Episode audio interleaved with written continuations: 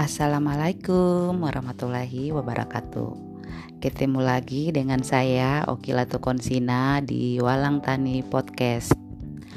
Pada episode kali ini saya akan berbagi pengalaman tentang pemanfaatan pekarangan dengan tanaman herbal. Salah satunya adalah bawang dayak.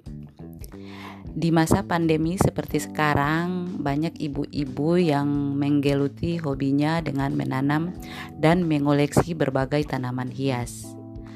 Dari segi estetika akan sangat bernilai dan memberi kepuasan tersendiri. Namun, jika sebagian dari pekarangan itu dimanfaatkan untuk menanam tanaman herbal, mungkin akan lebih bertambah lagi nilainya. Apalagi jika dibudidayakan secara organik. Salah satu tanaman herbal yang bermanfaat bagi kesehatan adalah bawang dayak.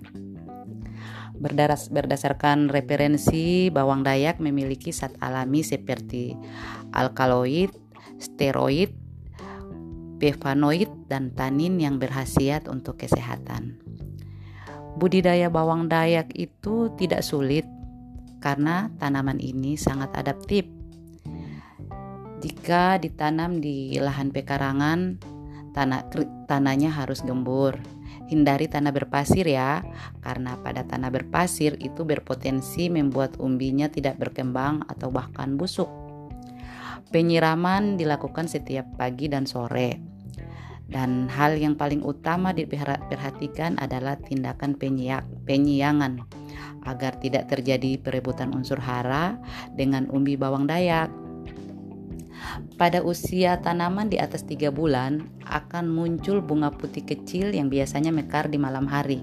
Terlihat sangat cantik kan, sama cantiknya dengan bunga anggrek tanah yang berwarna ungu.